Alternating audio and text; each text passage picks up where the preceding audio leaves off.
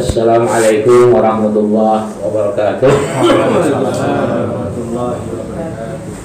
Alhamdulillahilladzi wahdah wa bihil quwwatu wal 'izzah wa bihil hidayatu wal isti'anah. Asyhadu an la ilaha illallah wahdahu la syarika lah wa asyhadu anna Muhammadan 'abduhu wa rasuluh alladzi la nabiyya ba'dah. Wassalatu wassalamu ala asyrafil anbiya'i wal mursalin wa ala alihi wa sahbihi ajma'in amma ba'd Bapak, Ibu, saudara-saudara yang saya hormati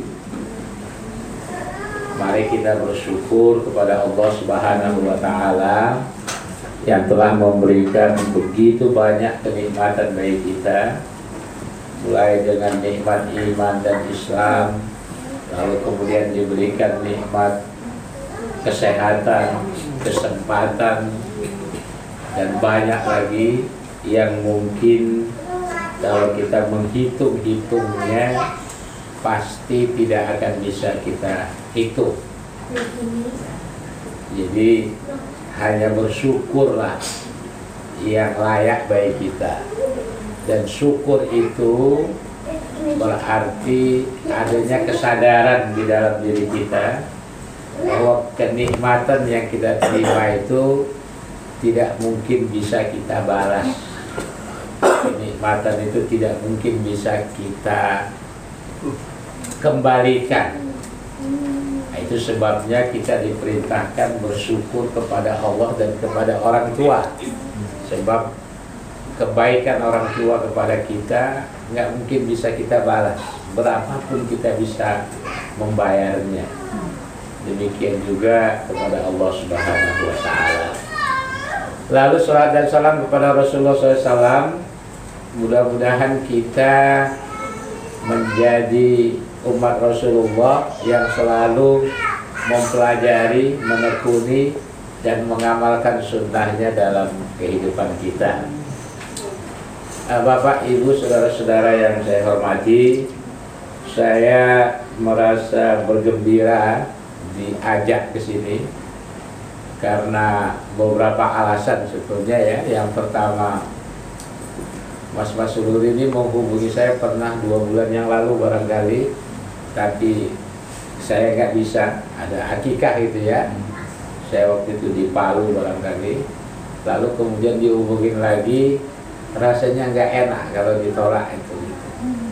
Nah, jadi saya terima itu. Kemudian yang kedua tuan rumahnya Bu Chandra Pak Arifin ini kan dua orang senior saya gitu ya senior saya di MM bahkan Pak Arifin ini orang yang mengajarkan saya tentang IMM lah gitu ya. Waktu beliau sekjen DPP IMM beliau datang ke Solo. Saya waktu itu mahasiswa di UNS beliau menjelaskan itu dan saya sangat terpesona wah ini hebat ini orang gitu ya. Nah, jadi uh, saya ini salah satu alasan yang kedua ya karena saya ini anak Muhammadiyah gitu ya. Bapak ibu saya Muhammadiyah lalu saya kader Muhammadiyah lalu saya aktif di Muhammadiyah kemudian mengabdi di Muhammadiyah. Jadi rasanya nggak pantas kalau saya tidak hadir di sini. Dan mudah-mudahan pertemuan kita ini membawa berkah bagi kita masing-masing kemudian kita doakan supaya Allah mengangkat penyakit dari eh, Pak Arifin Muhammad Arifin Nawawi diringankan atau bahkan diangkat penyakitnya oleh Allah Subhanahu wa taala. Kemudian kepada Kak Chandra dan anak putranya dan menantunya dan cucunya ini diberikan kelapangan hati, kesabaran dan tidak ada keluhan gitu ya. Sebab sebetulnya kita dilarang mengeluh ketika diberikan ujian sakit itu. Dan kita harus yakin bahwa di balik kesulitan sakit itu Allah Subhanahu wa taala punya rencana yang jauh lebih baik dari yang kita bayangkan dan kita pikirkan. Bapak Ibu saudara-saudara yang saya hormati, eh, kepada saya ini diminta untuk menyampaikan tentang media sosial atau sosial media. Dan ini sebetulnya ya saya sendiri agak gaptek juga sebetulnya kan? Jadi mau ngomongin begitu tapi gak apa-apa ini ya kira-kira saya kira 10 tahun terakhir ini ini menjadi sangat luar biasa ya di mana kita bisa berkomunikasi melalui sebuah media apakah itu komunikasinya satu arah dua arah kepada satu orang atau kepada banyak orang. Ini sangat luar biasa. Bahkan tiba-tiba saja 10 tahun terakhir ini kata-kata apa itu? Twitter, tweet, retweet, pet, repeat, post, repost apa lagi itu, WhatsApp, download, upload, itu ah, hoax. Itu menjadi kata-kata yang begitu akrab di telinga kita mulai dari anak kecil sampai kakek-kakek dan nenek-nenek. Dan bahkan mungkin banyak juga yang nggak paham sebetulnya download itu apa ya gitu ya. Kalau ditanya artinya apa download itu dia kita tidak bisa dengan cepat menyebutkan artinya itu dalam bahasa Indonesia. Upload itu apa? Nggak ngerti kita menyebutnya dengan cepat. Apa arti bahasa Indonesia tapi itu sudah kita kerjakan sudah kita apa kita akrabi kita geluti. Nah dengan media sosial yang berbasis internet ini kemudian tiba-tiba kita ini lompat ke sebuah dunia yang asing dengan kehidupan kita Nah, ini atau kita masuk kepada era yang disebut dengan globalisasi itu. Nah, globalisasi ini kan mengandaikan dunia ini semakin mengecil di mana kita dapat mengetahui satu peristiwa yang terjadi di belahan dunia lain dalam waktu yang sama atau dalam waktu yang relatif sama. Contoh mudahnya mungkin kita nonton siaran langsung sepak bola. Ada MU lawan Chelsea. Begitu selesai itu orang di Inggris sana tahu kita di sini juga tahu hasilnya. Bahkan kita tahu siapa yang kartu kuning siapa yang kartu merah siapa yang menggolkan dan seterusnya. Sama itu oh, jadi begitu luar biasa begitu luar biasa sehingga kemudian menjadi seakan-akan apa namanya borderless jadi seakan-akan nggak ada batas. Tidak ada lagi batas. Maka kemudian ini kan sering disebut dengan dunia maya gitu ya. Dunia maya kita seolah-olah tidak ada di dunia yang nyata sekarang ini dia bisa ketawa-ketawa sendiri padahal dia sendirian. Ketawanya dengan orang yang jauh entah di mana. Dia bisa senyum-senyum, bisa marah juga. Padahal dia hanya sendirian. Tapi sebaliknya juga sedang rame-rame begini kita seolah-olah sendiri. Kan sering terjadi masuk di kantor semuanya duduk ambil HP-nya sibuk dengan HP masing padahal mereka ada di satu ruangan yang sama. Tidak ada komunikasi sama sekali. Jadi ini kenyataan-kenyataan kita. Lalu kemudian apalagi dengan alat komunikasi yang begini sangat luar biasa ini dengan Android kita ini kita bisa menjelajahi banyak hal bisa mendapatkan berbagai informasi Nah, ini kalau digunakan untuk yang positifnya itu bisa dapat ilmu pengetahuan, dapat macam-macam macam-macam. Tapi kalau ke negatifnya, ya juga bisa macam-macam juga, gitu ya.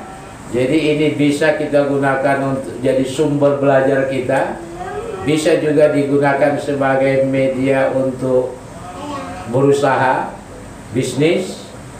Yang katanya sekarang ini orang bisnis hotel tidak perlu punya hotel lagi. Bisnis transportasi nggak perlu punya mobil lagi. Cukup dengan aplikasi ini. Bahkan buka mall nggak usah ada mallnya. Yang sekarang sering ditawarkan di TV-TV itu kan hanya 6 ribu, 6 eh, juta katanya ya.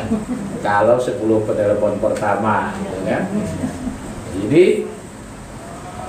sudah sangat luar biasa sekali. Bahkan kita sudah lihat sudah banyak sekali fenomenanya itu eh, apa usaha-usaha yang kita lihat hebat tiba-tiba sekarang hilang.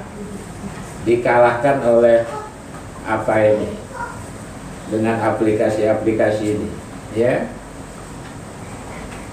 Bahkan sekarang kita dimudahkan juga misalnya mau pergi ke mana-mana nggak usah susah-susah kita pakai grab pakai macam-macam itu kan. Jadi langsung dijemput di depan rumah diantar ke depan rumah dengan biaya yang relatif murah. Jadi sekarang ini begitu mudahnya, tapi ini kalau digunakan untuk hal-hal yang positif.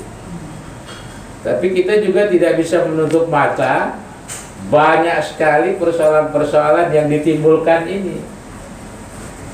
Banyak sekali ada penipuan, ada juga anak-anak gadis remaja yang berkenalan di Facebook lalu kemudian dilarikan bahkan dijual dan ada juga yang bahkan dibunuh oh, jadi ini memang bagaikan pisau yang bermata dua kira-kira gitu ya. Yang positifnya ada yang negatifnya ada.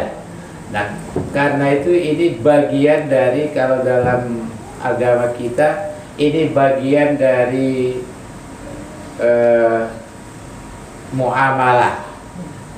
Kalau sudah masuk ke muamalah ini maka kaidah dasarnya itu segala sesuatu itu asalnya boleh kecuali ada dalil yang mengharamkannya. Jadi asal segala sesuatu itu boleh kecuali ada dalil yang mengharamkannya. Karena itu dalam bidang ini tidak bisa dihukumkan haram mutlak atau halal mutlak gak bisa.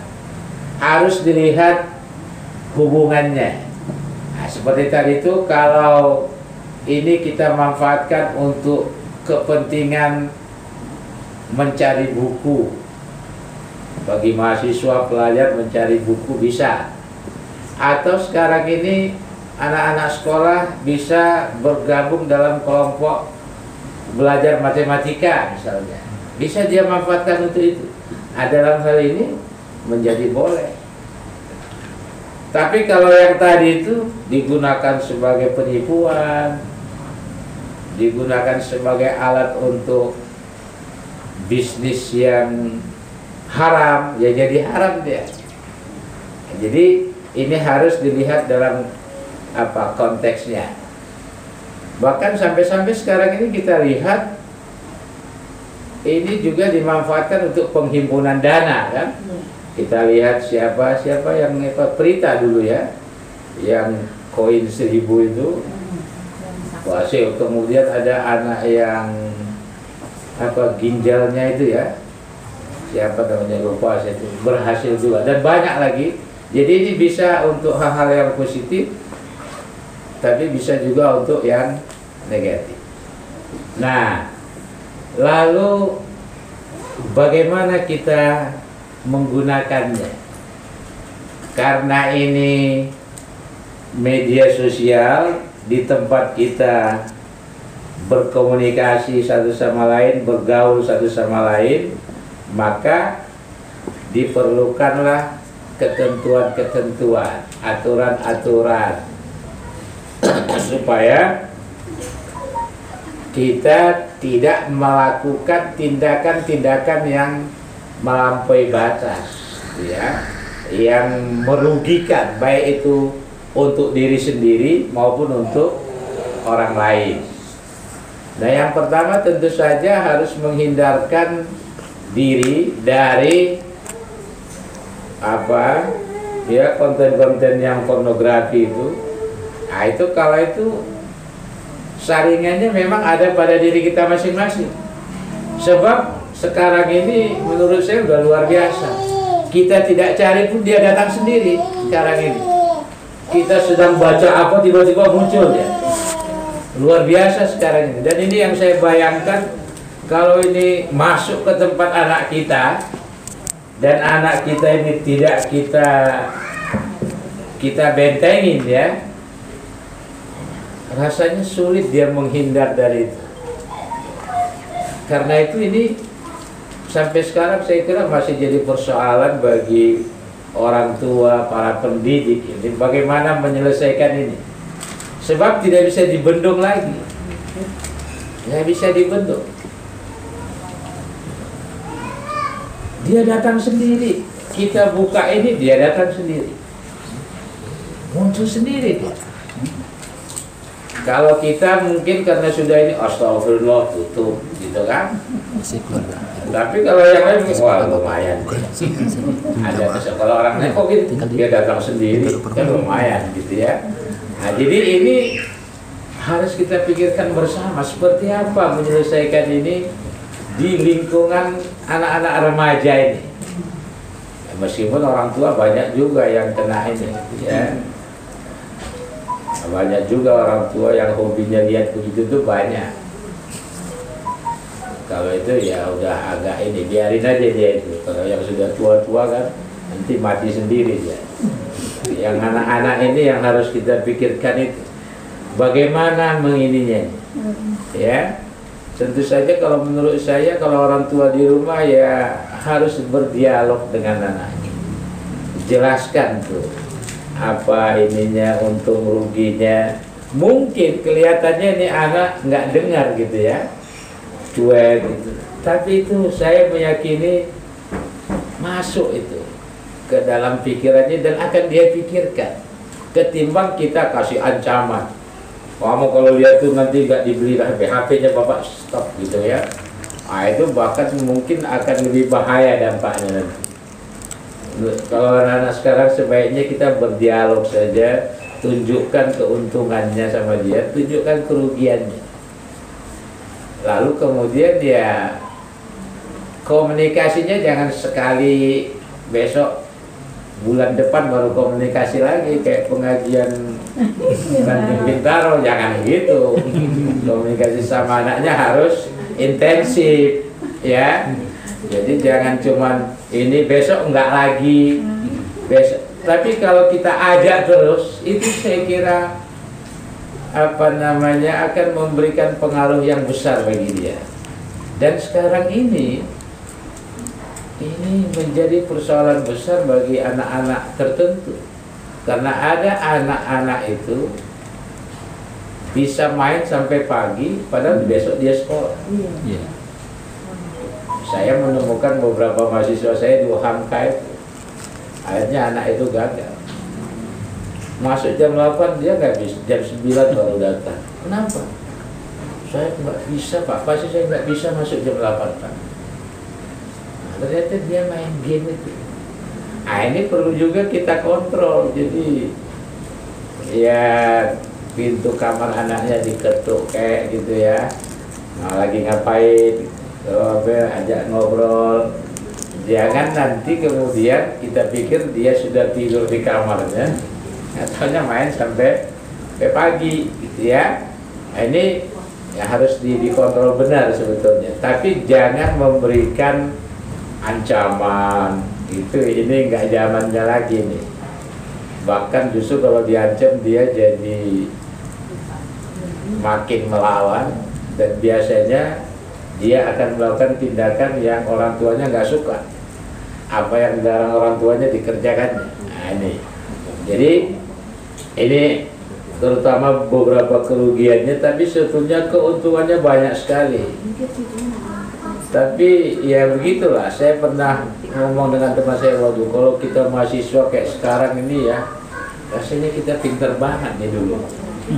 Karena dengan itu kita bisa dapat buku macam-macam. Yang dulu kita cari buku setengah mati. Betul. tapi teman saya itu nyelotok ya belum tentu. Jangan-jangan dulu kalau bisa begitu malah lihatnya yang jelek-jelek itu cari buku gitu ya. Nah, jadi ini memang bagaimana apa sikap mental kita menghadapi teknologi ini. Nah Bapak Ibu Saudara-saudara yang saya hormati ada beberapa hal yang dituntunkan kepada kita itu ya. Saya nggak mau banyak-banyak nih yang pertama menyampaikan informasi yang benar. Ini ya hoax tadi itu. Dan sekarang ini kan penyakitnya begitu. Ada orang yang terima info dari orang lain tanpa dia periksa dia teliti kemudian dia bagikan. Nah, ini yang harus berhati-hati kita ya karena begini menurut salah seorang ahli itu biasanya orang selalu mengiyakan menerima menyetujui informasi yang dia terima ketika informasi itu sama dengan keyakinan dan pikirannya Nah, kalau sudah gitu biasanya nggak dia baca sampai habis lagi, nggak dia teliti lagi, dia bagi. Begitu nanti ada yang nyalahkan, yang dia salahkan itu media tempat dia ngutip itu. Nggak mau bertanggung jawab. Padahal kalau sudah kita kirimkan itu dari kita, ya kita yang bertanggung jawab. Nah karena itu ini harus dilihat. Dan kalau kita sampai menyampaikan informasi yang salah, itu sebetulnya kita harus menanggung akibatnya juga. Kita nggak usah pakai undang-undang ITE itu, pakai akibat dengan agama kita saja. Ya kalau itu menimbulkan dosa, ya kita ikut berdosa dengan informasi yang kita kirimkan. Makanya dalam surat Al-Hajj ayat 30 di ujungnya itu di kita diingatkan wajtanibu qaulaz zur jauhi omongan yang tidak akurat, tidak benar, bohong dan sebagainya. Nah, jadi jangan suka kirim-kirim kalau kita belum yakin, belum tahu betul informasi yang sesungguhnya. Nah, sekarang ini kan macam-macam. Apalagi kemudian apa namanya itu? dari penjaga kubur Nabi. Oh, ini itu hampir tiap tahun kita terima itu. Itu siapa yang jaga kuburan Nabi yang bagi-bagi itu? Kenal nggak kita dengan orang itu? Tapi itu akan beredar terus itu. Dan biasanya setiap tahun pasti muncul tuh. Kalau zaman saya kecil dulu fotokopian tuh dibagi-bagi. Setiap tahun tuh. Lalu kemudian ditulis di bawah siapa yang memfotokopi ini 25 kali dapat pahala segini segini segini nah, sekarang kan siapa yang share ke lima grup dapat ini nah ini periksa nah, itu itu ya banyak sekali bayangkan kalau yang kita bagi itu berkaitan dengan nama baik seseorang yang kita sendiri nggak paham itu betul apa enggak itu kan artinya kita ikut menjelekkan orang itu. Nah itu. Yang kedua, yang kedua itu bijaksana. Nah, ini harus bijaksana, memberi nasihat yang baik, kemudian memberikan argumentasi dengan bahasa yang terstruktur dengan baik. Ini biasanya ayat ini selalu dipakai sebagai ayat dakwah ini. Udu'u ila sabili rabbika bil hikmah wal mau'izatil hasanah wajadilhum billati hiya ahsan surat An-Nahl ayat 125 jadi ajaklah orang ke jalan Tuhanmu dengan penuh bijaksana bil hikmah wal mau'izatil hasanah dengan nasihat yang baik. Ya kemudian beradu argumen. Beradu argumen dengan bahasa yang terstruktur baik dengan logika-logika yang benar. Bahkan kalau soal-soal agama dengan dalil-dalilnya. Sehingga kemudian debatnya itu debat yang bermakna bukan debat kusir. Seperti eh, orang-orang yang kita tonton di TV itu. Ya kan?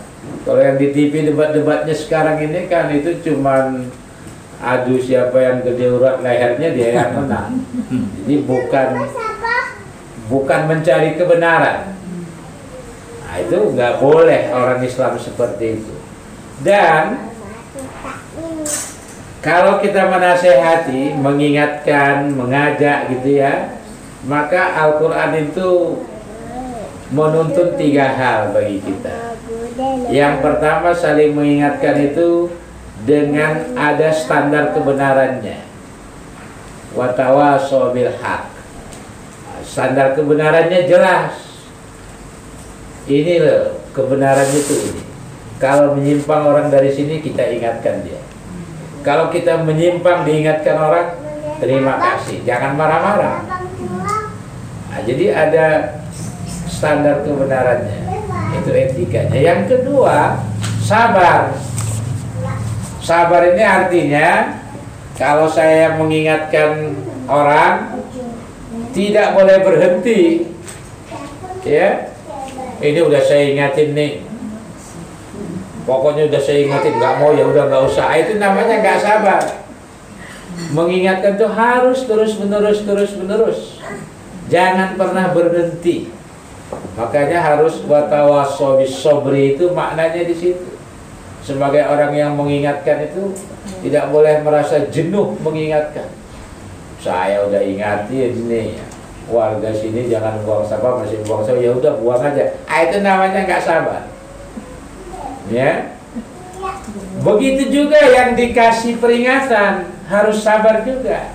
Kalau saya dikasih tahu Pak Burhan saya nggak boleh marah sama Pak Burhan. Kalau saya marah namanya saya nggak sabar.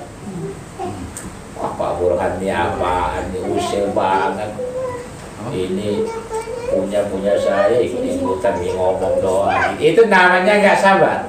Tapi sebetulnya yang harus saya lakukan itu saya bersabar dan berterima kasih sama Pak Burhan. Kenapa? Karena Pak Burhan ingatkan saya, itu berarti Pak Burhan selamatkan saya dari dosa. Menyelamatkan saya dari tergelincir. Kalau Imam Ghazali itu mengandaikan orang yang mengingatkan itu seolah-olah memberitahu bahwa di pundak kita ini ada binatang berbisa yang mau menggigit kita lalu dia ambil kayu dia pukul pundak kita itu kira-kira kita marah apa enggak Mas Ya enggak lah. Ada kala jengking di sini.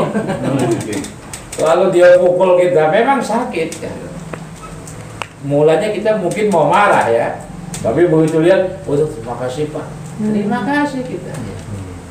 Nah, itu kalau Imam Ghazali seperti itu. Sebab apa? Pada hakikatnya kita ini diselamatkan dari tergelincir, dari salah, dari dosa. Jadi sabar, sabar dari dua belah pihak. Yang ngingetin gak boleh berhenti, yang diingetin gak boleh marah. Nah, jadi kalau ngajak orang pengajian ranting juga begitu, Pak, harus sabar. Mungkin WA-nya bisa lima kali, empat kali. Mungkin yang baca udah nih, masa diingetin, diingetin terus. Yang baca juga terima jangan juga bosan. Ini. Ini. Senyum-senyum aja lihatnya gitu ya. Yang ini nanti ada pedas. Insya Allah kalau ada waktu saya datang. Tapi insya Allahnya itu insya Allah yang beneran gitu ya. Jangan kayak insya Allah orang zaman ini. sekarang. Yang ini nggak pedas ya. Sebut insya Allah itu dia merasa dia punya peluang nggak datang. Kotak-kotak. Jadi kalau ditanya, Ini. kok nggak datang bu? Ya kan saya bilang insya Allah, bukan insya Allah ya. Kan saya bilang insya Allah kemarin. Padahal bagi orang Islam insya Allah itu bukan mainan. Begitu kita bilang insya Allah itu sekuat tenaga kita harus lakukan. Kalau tidak itu berarti memang kita tidak bisa melakukannya. Jadi bukannya peluang untuk menghindar gitu ya. Nah ini penyalahgunaan insya Allah ini di masyarakat kita itu ya. Nah sabar. Yang ketiga, watawasau bil marhamah. Saling mengingatkan itu atas landasan kasih sayang. Ini Pak Hilal ini saudara saya kata Pak Burhan. Kalau nggak saya ingatin dia nanti dia salah, malu dia, tergelincir dia. Makanya Pak Burhan nggak bosan-bosan ngingatin saya. Saya juga harus mikirnya begitu. Ini Pak Burhan ngapain dia capek-capek ngingatin saya? Ini kan karena dia sayang sama saya. Kalau enggak ngapain? Dia diam aja udah selesai. Tuh kalau saya jatuh ya saya sendiri yang sakit, Pak Bulan nggak ikut sakit. Jadi harus mikirnya begitu. Kalau orang ingetin kita, oh orang ini sayang sama saya. Bukannya mikirnya itu, oh ini orang ini ingin jatuhin harga diri saya, orang ini pingin ini, pingin ini. Bukan.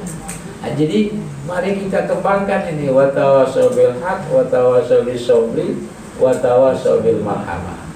Ada standarnya benar, dilakukan dengan sabar, kemudian penuh dengan kasih sayang. Jadi bukan mau menjatuhkan harga diri orang, bukan mau mempermalukan orang, tapi semata-mata kita terdorong supaya teman kita, saudara kita, tetangga kita terbebas dari kesalahan, terbebas dari apa eh, hal-hal yang memalukan dirinya sendiri. Nah, tapi untuk sampai ke sini kan susah sebetulnya. Ini memang penyakit, ya penyakit manusia. Atau kalau saya buat contoh yang lain misalnya kan di Jakarta ini, kalau sudah ada tulisan jangan buang sampah di sini, itu pasti sampahnya udah banyak di sini. Iya kan? Ya nggak boleh cuma di tulisannya doang. Iya. Karena orang Jakarta berangkat kerja naik motor naik mobil pasti bawa kantong sampah itu. Wah mana-mana. Nah, dia nggak peduli. Yang penting kita nggak punya sampah. Biar orang lain menikmati sampah kita. Nah itu kan cara berpikir yang keliru. Iya. Sehingga ada orang yang capek mungkin dia buat itu himbauan-himbauan itu. Saya ketemu beberapa tempat itu di stasiun Sudimara itu di temboknya itu saya tulisan Ya Allah matikanlah orang yang buang sampah di sini. itu udah jengkel banget tuh. ya kan udah hilang sampahnya itu. Nah, kita maunya jangan sampai seperti itu. Ya. Dan sabar ini nggak ada batasnya. Jadi jangan ikut-ikut omongan orang sabar itu ada batasnya, nggak ada batasnya. Harus sabar itu terus, menerus, terus, menerus sampai kita sampai pada satu titik kebenaran kenikmatan yang kita terima itu. Bapak Ibu saudara-saudara yang berbahagia, yang berikutnya kemudian ah ini teliti faktanya, lakukan cek and recheck. Jadi jangan belum apa-apa sudah nah, kemarin kita dihebohkan misalnya penganiayaan, pembunuhan ulama oleh orang gila, lalu diisukan macam-macam. Wah itu luar biasa apanya, akibatnya. Ada orang yang sudah mau bergerak dan seterusnya. Maka lakukan ini. Dalam surat Al-Hujarat, dalam surat Al-Hujarat ayat 6 ya. Ayat 6. Ya ayyuhalladzina amanu in ja'akum fasiqun binaba'in fatabayyanu. Wahai orang-orang yang beriman, kalau ada orang fasik bawa berita, lakukan tabayyun. Supaya apa? Antusibu qauman bijahalah fatusbihu ala ma fa'altum nadimin. Nah, supaya kamu tidak menimpakan sesuatu kepada satu kelompok, kepada satu orang karena ketidaktahuan kamu yang akhirnya nanti kamu menyesal atas tindakan kamu itu. Nah, jadi supaya kita nggak nyesel, udah nuduh ini macam-macam, ternyata nanti bukan kan nyesel kita. Orangnya sudah terlanjur sakit hati dan seterusnya. Nah, jadi ini diingatkan dan ini ayat ini kan turun berkaitan dengan kisahnya Aisyah yang tertinggal di dalam perjalanan lalu muncul isu. Itu sampai Nabi juga hampir termakan isu itu. Bahkan Abu Bakar sempat sudah marah-marah. Turunlah ayat ini. Ja'akum fasikum binaba'in fatabayyanu. Jadi kalau ada berita jangan cepat-cepat diterima sebagai sebuah kebenaran ya. Periksa dulu. Nah, jangan seperti yang saya sebut di awal tadi itu manusia ini pada dasarnya kalau ada informasi ada sesuatu yang cocok dengan pikiran dan keyakinannya biasanya nggak mau periksa lagi. Wah ini benar nih. Saya setuju ini. Udah dia kirim ke mana-mana. Nah itu jangan. Lakukan tabayun. Bahasa Qurannya tabayun. Periksa benar teliti. Karena jangan sampai kita membuat sesuatu yang orang lain menderita bukan karena yang sesungguhnya nah, pada akhirnya nanti akan menimbulkan penyesalan bagi kita. Kemudian tidak mengolok-olok mencaci maki. Wah ini. Ya mencaci maki. Tidak mengejek-ngejek orang. Ini nanti lihat surah al-hujarat juga. Ayat 10 11 dan 12 itu kaitannya hal-hal yang semacam itu mulai dari cerita orang beriman itu bersaudara habis bersaudara cerita satu kaum jangan mengolok-olokkan kaum yang lain perempuan jangan suka mengolok-olok perempuan yang lain gitu ya bahkan itu nanti sampai kepada jangan cari-cari kesalahan diintip-intip kesalahan orang, diikuti. Oh ini ngapain? Diikuti. Itu nggak boleh dalam Islam itu. Kecuali ngelihat tanpa sengaja aja gitu. Jadi bukannya diikutin gitu ya. Mana ada itu diikuti ini tetangga saya kok sini diikuti. Oh ternyata dia suka begini oh itu. Ah itu nggak boleh mencari-cari kesalahan itu nggak boleh. Jadi jangan saling mengejek. Wah ini kan luar biasa kalau di media sosial ya. Padahal ini kadang-kadang nggak kenal orangnya, tapi mereka bisa berantem di situ dan mengeluarkan apa diksi-diksi yang sangat kasar dan jorok kadang-kadang. Padahal ini orang ini nggak pernah ketemu. Nah, ini jangan melakukan hal semacam itu. Al-Quran dengan tegas itu menyebutkan mulai dari jangan berprasangka, buruk sangka, jangan berarti jangan membuat label. Wah ini orang ini penipu, orang ini apa, orang ini ini ini itu jangan dibuat label-labelnya. Ya, jangan dibuat labelnya begitu. Baru kemudian jangan mengolok-olok, jangan mencari-cari kesalahan, jangan menceritakan kejelekan orang. Bahkan menceritakan kejelekan orang ini ayatnya menyebutkan apakah kamu mau memakan bangkai saudaramu sendiri? Pasti kamu nggak mau. Artinya menjelek-jelekkan itu saudara kita itu sama dengan memakan bangkainya. Kalau kita suruh makan bangkainya pasti kita nggak mau. Nah, tapi itulah kira-kira diumpamakan. Kalau nggak mau begitu ya jangan bergunjing. Nah, baru kemudian jangan menjelek-jelekkan, jangan merendahkan satu kelompok perempuan dengan perempuan lain, satu kaum dengan kaum yang lain. Kemudian jangan memberi gelar. Gelar itu apa ya? ya sebutan yang jelek-jelek ini kelompok ini begini.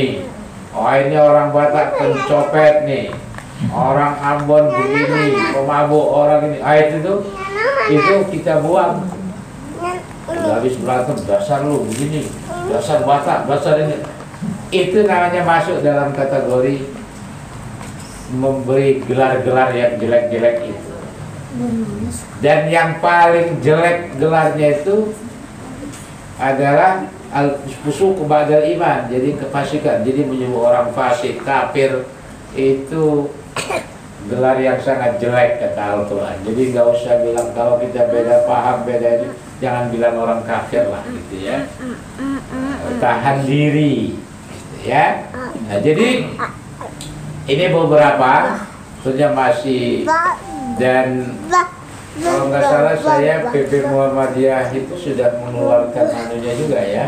Edaran etika bermedsos itu.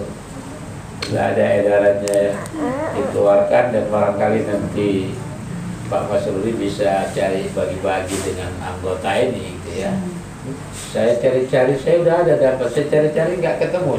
Saya pikir mau saya bagi gitu ya Ya, tapi sudah kira-kira berapa enam bulan yang lalu nggak salah saya Nah itu boleh dibagi pada anggota ini supaya karena Muhammadiyah sudah punya gitu kan kita berpedoman bertuntungan pada itu. Nah ini beberapa hal yang bisa saya sampaikan dan mudah-mudahan bermanfaat bagi kita semua. Nasrul minallah wa fathum qarib wa mukminin. Assalamualaikum warahmatullahi wabarakatuh. Waalaikumsalam warahmatullahi wabarakatuh. Terima kasih kepada Bapak Ibu Ramadan, Bapak-Bapak dan Ibu-Ibu sekalian yang saya hormati.